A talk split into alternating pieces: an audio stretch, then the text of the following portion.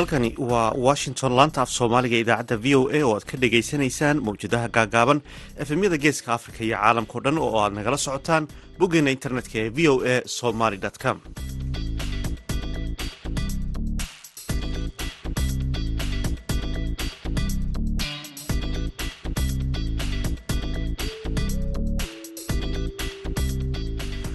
duhur wanaagsan dhegaystayaal waa maalin salaasaha bisha oktoobarna waa saddex sanadka labada kun saddex iyo labaatanka. Afrikada bari saacaddu waxay tilmaamaysaa kowdiiyo barkii duhurnimo idaacadda duhurnimo ee v o edana waxaa idila socodsiinaya aniga oo ah xuseen barre aadan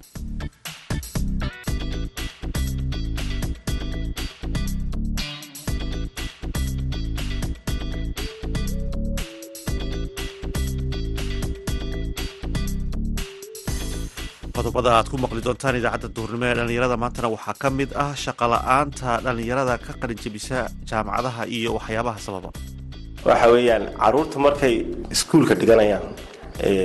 secondariga marxaladda secondariga soomaaliya laguma barbaabariyo shaqada suuqa. Qofki ilaa uu ka baxay jaamacadda oo digrii uu dhammaynayo si anaguba ku barbaara aniga shaksiyan suuqale laguma soo daayo waxaa kale ood maqli doontaan kanada oo lagu qabtay munaasabad lagu weyneynayay dhaqanka taariikhda iyo diinta dadka muslimiinta ah. Qodobadaasi iyo kuwo kale ayaad maqli doontaan balse marka hore waxaad ku soo dhawaataan warkii dunida.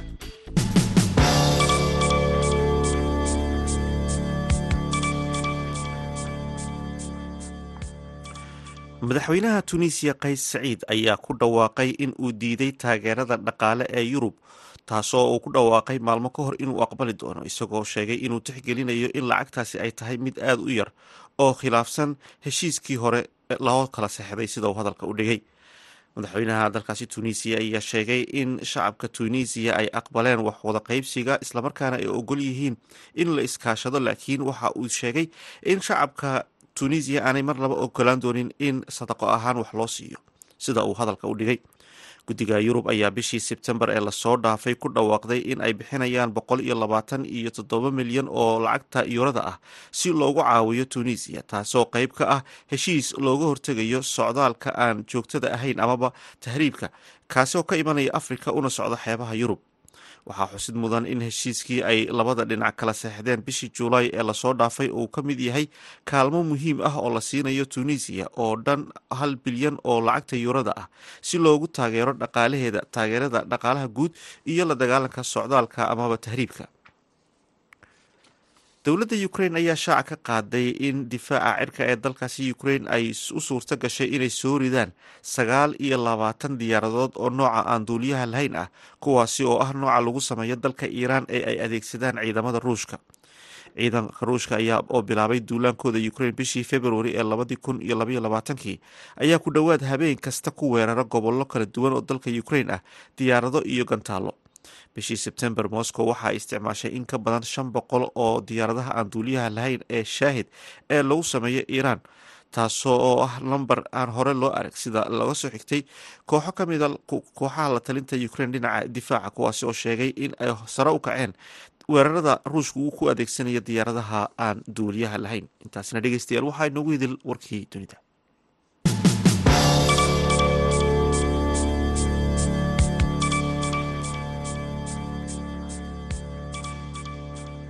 halkaad dhegeystayaal nagala socotaan waa laanta af soomaaliga ee v o a.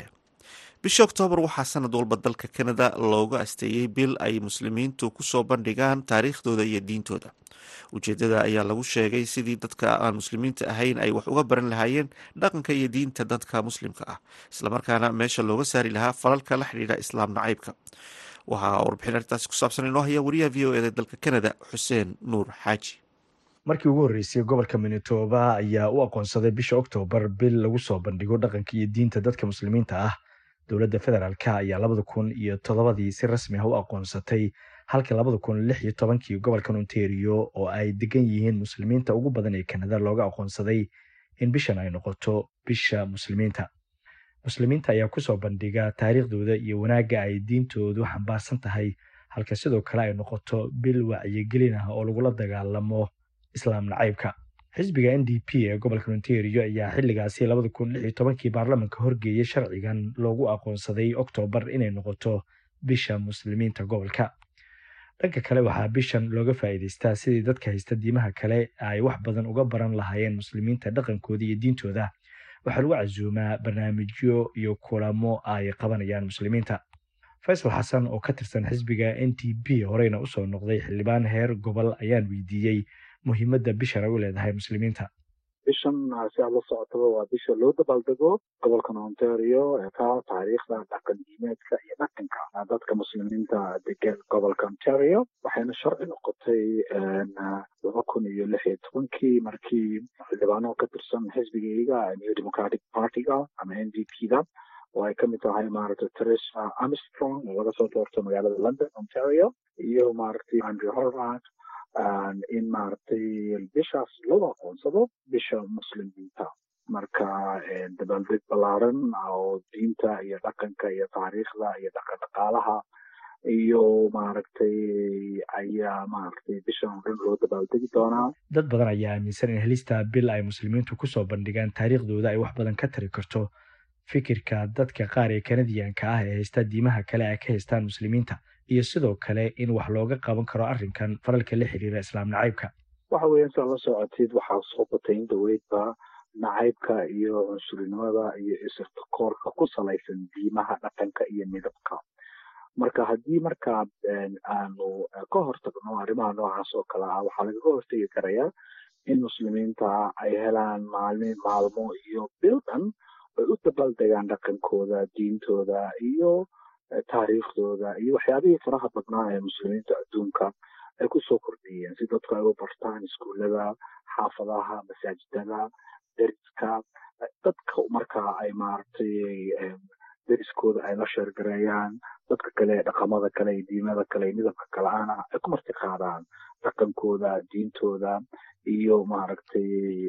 taariikhdooda taasna waxa ay keenaysaa marka cunsurinimada midabta korka ku salaysan diinta dhaqanka iyo midabka inay maaragtay soo afjaranto. Sanadkan waxa ay ku soo aadaysaa bishan xilli dowladda kanada ay magacaawday ergey gaar ah oo dowladda u qaabilsan la dagaalanka islaam nacaybka xisbiga n d p wuxuu ka mid yahay xisbiyada sida aadka ugu ololeynaya sidii wax looga qaban lahaa islaam nacaybka waa kan mar kale faysal xasan arrinta ugu weyn waxa weeyaan dadkii ugu horreeyey taariikhiyana ee waddankan yimid waxa ay yimaadeen waktigii canada la aas-aasayey kii dad muslimiina ayaa waddankan joogay. Aas-aaskiisiina qayb bay ka ahaayeen. Haddana wax cusub ma aha oo diin cusub halkan timid ma ay aha waxaan doonayaa inaan dhegeystayaashaada qiimaha leh inaan u sheego inaanu aniga iyo hogaamiyahayga iyo dhammaan xubnaha xisbiga n d p du inaanu arrinta aan ka diidayi doono wixii koor ku salaysan wixii nacayb ku salaysan wixii diimaha kale faquuqaya wixii dadka kale faquuqaya wixii maaragta si gaara dadka waxu yeelaya. Haddii gobolkan ay ku yimaadaanna waxaanu noqonaynaa dadka ugu horreeya ee ka hadla garab istaaga codkiinana noqda baarlamaankana kaga hadla. Maxaa yeelay ontario uma baahnaa midabta koor uma baahnaa kala foqoq uma baahnaa nacayb wax lamida inkastoo kanada si la mid ah dalalka kale ee caalamka mararka qaar ay ka dhacaan falal la xiriira islaam nacayb haddana dowladda federaalka iyo kuwa gobollada dalka ayaa dadaallo badan ku bixinaya sidii wax looga qaban lahaa arrinkan. Xuseen nuur xaaji v o a toronto. Halkaad weli nagala socotaana waa laanta af soomaaliga ee v o a. Markana aynu ku wada nasanno mid ka mid a heesahan idinku talagalnay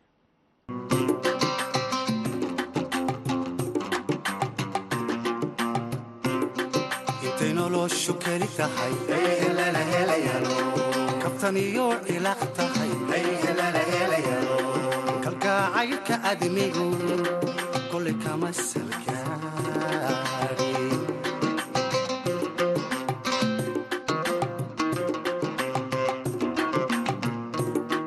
intay noloshu keli tahay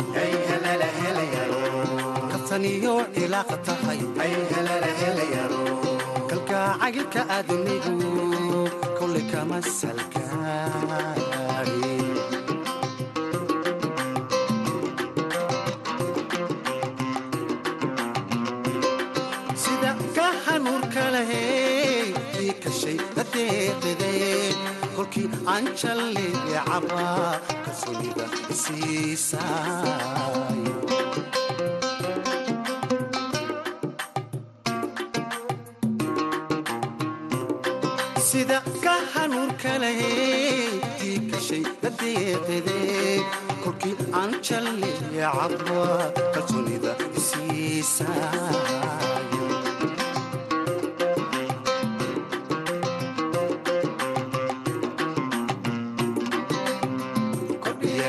kalgacal way hayaa nafta kugu kabaaya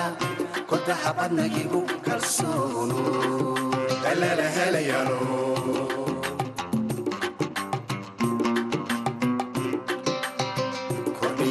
kalgacal way hayaa nafta kugu kabaaya kodaha badna igu kalsoono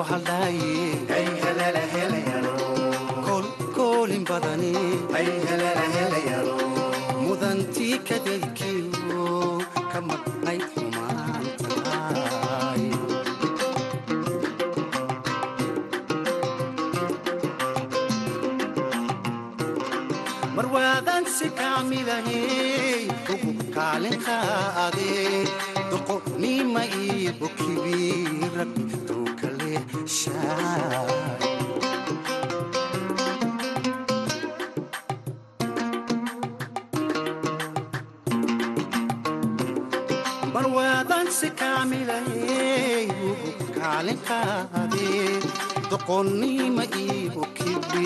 rabbi uu kale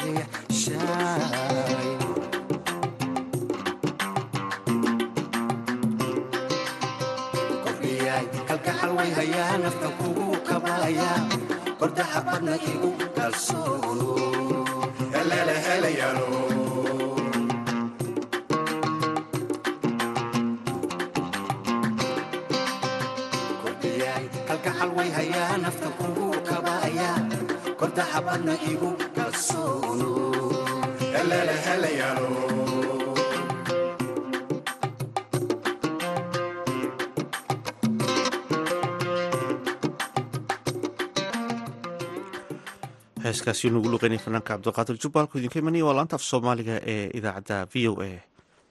Waxaa jira dhalinyaro badan oo marka ay ka qalin jabiyaan jaamacadaha dalka aanan helin shaqooyinkii ay ku haminayeen iyada oo shaqo la'aan ay iska jirto. Haddana dadka waxodorasa ayaa waxa ay tilmaamayaan in ay dhibaatada qayb ka tahay in dhalinyaradan markii horeba aan lagu soo ababin in ay qabtaan shaqooyinka oo aan loo diyaarin.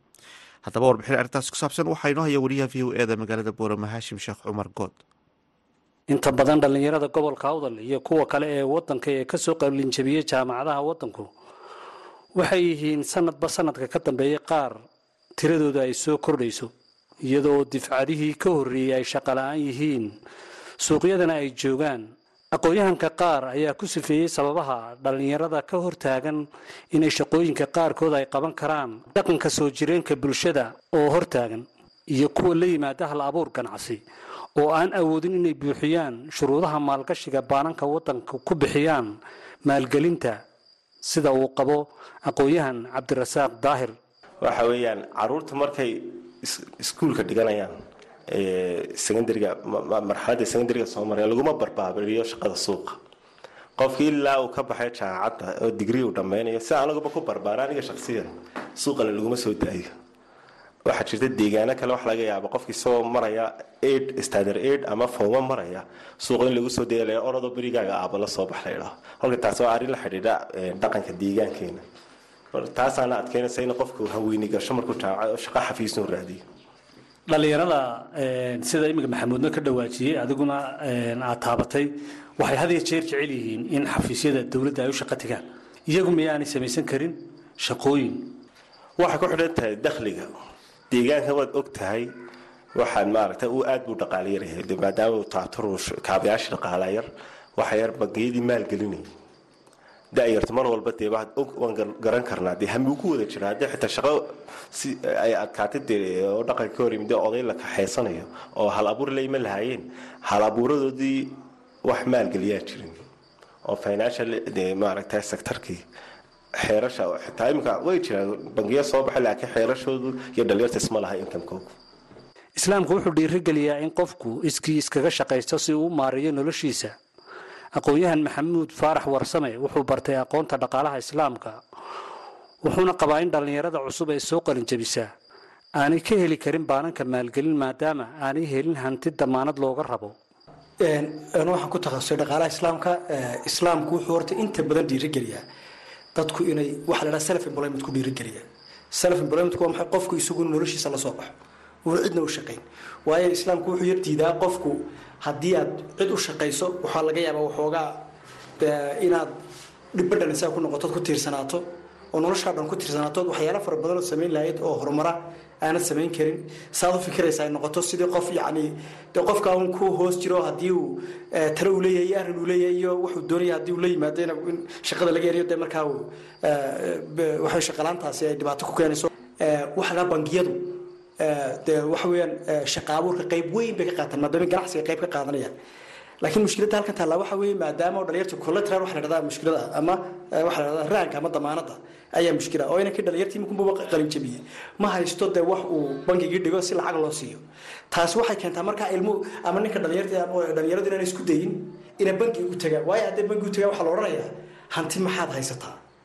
Ka kaale xataa hantida haddii la xaliyo qof damiinulmaana keeno waxaa suurtagala in la weydiiyo mushahar maqaadada ninkan waaba dee ninka imika de fresh graduate waa iminkunbuu dee jaamacaddii ka qalan jabiyey taasina markaa waa qodob haddaba dariiqooyinka dhallinyarada shaqooyinka loogu abuuro ayuu ku tilmaamayaa dhowr nooc kaysa shabeel liibaan oo ah aqoon-yahan bartay sida shaqooyinka loogu abuuro dhallinyarada. Dhalinyarta shaqooyinka markaa loo abuurayo saddex nooc maanta badan loogu abuuraa qolo la baro xirfadaha gacanta. Qolo la baro hal abuurka shaqo. Iyo qolo loo tababaro bal inay shaqaalo noqdaan. Ay noqotaa kow waxa muhiima inay helaan dhalinyartaasi tababar taya leh. Matalan marka qofku la doonayo inuu isagu shaqo abuurto waxa kow ka ah qofkaasi waa inuu shaqo tag yahay isagu number one waa inuu shaqo tag yahay oo qalbiga ku hayaa inuu shaqaysto. Shaqo wixii loo diro uu diyaar yahay inuu qabto. Attitudeka noocaas waa inuu leeyahay. Qofku waa inuu la yimaadaa fikrad ganacsi oo shaqaynaysa markuu eego baahida jirta fikrad ganacsi oo shaqaynaysa waa inuu la yimaadaa. Taasaa markaa ay noqonaysaa business balaanka uu la yimaado in lagu maalgeliyo. Ta labaad waxa weeye qofka qofkii markuu la tababaro ee employability skillska lagu tababaro ee la dhiirogeliyo waxaa loo sameeyaa shaqo carbis. Shaqadaa waxa uu bartay ciddii ka shaqaysa ayaa loo geynayaa. Marka loo geynayo mudduu la joogayaa waa lagu daba joogayaa oo la eegayaa siduu shaqaysto dabcigiisa qofkaasi marka uu muddadaa dhammaysto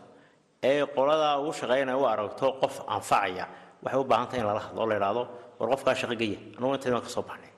Marka inuu saa ku shaqo galana way dhacdaa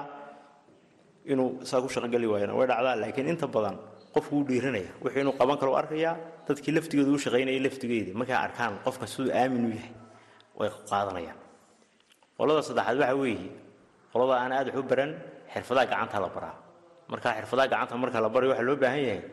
intaan xirfadii gacantaba la barin in suuqa la eego baahida ka jirta. Xirfada loogu baahi badan yahay xirfadda noocaas iyo noocaas iyo noocaas loogu baahi badan yahay. Matalan alxankaa loogu baahi badan yahay solar baa loogu baahi badan yahay cunto karintaa loogu baahi badan yahay. Xirfado noocaasa ayaa la eegayaa baahida ka jirta. Taa marka la go'aamiyo ayaa la odhanaya xirfadahaasi ayaan anugu. Haashim sheekh cumar good v o a boorama halkan dhegeystayaal waxaad ku soo dhawaataan xubintii ciyaaraha iyo faarax buluur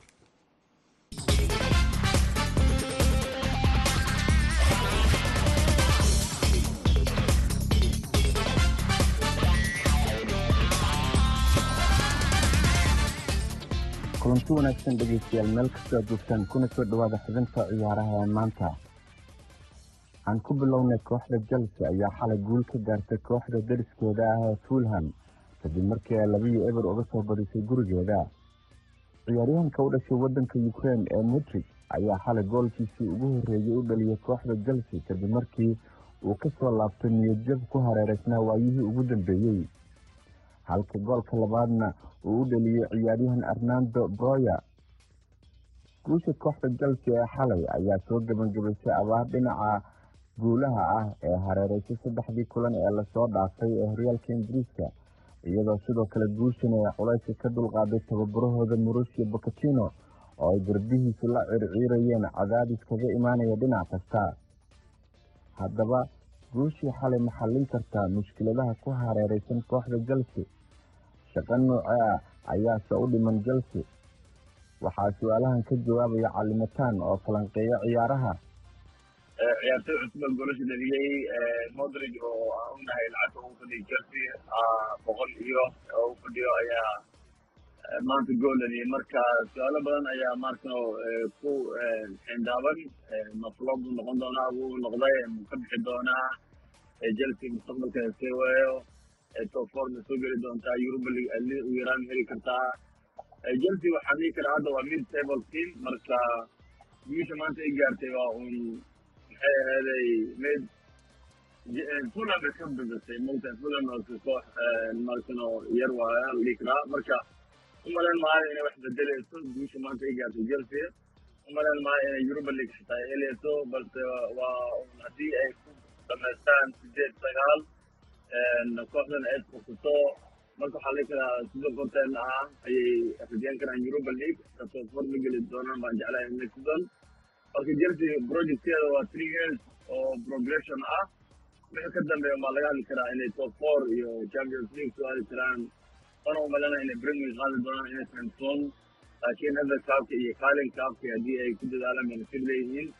marka chelsea football club waa rebuilding process arsenal baa soo martay man united hadda u lahada rebuilding process ku arkaysaa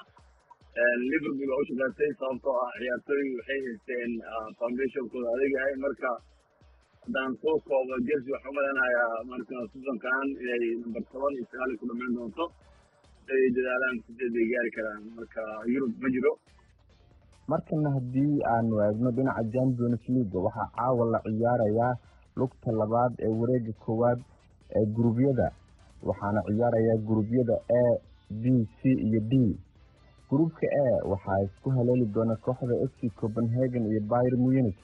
halka manchester unitedna ay martigelin doonto kooxda galatastray gruubkan waxaa horkacaysa kooxda byr munich oo toddobaadkii hore ku soo tumatay kooxda manchester united. Gruubka b na waxaa isku haleeli doona kooxaha lens iyo arsenal halka b s c indhovenna ay martigelin doonto kooxda sofia.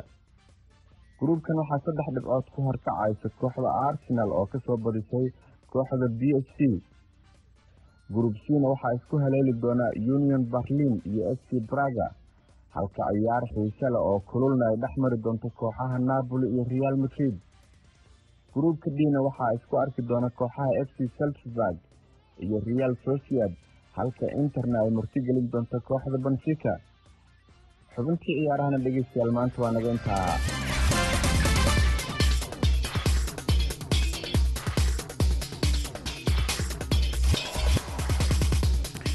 halkaad wuli dhegeystayaal nagala socotaana waa laanta af soomaaliga idaacadda v o a oo si toosa idinka imaneysa washington. Haatanna aynu ku wada nasanno mid ka mid a heesaha aan idinku talagalnay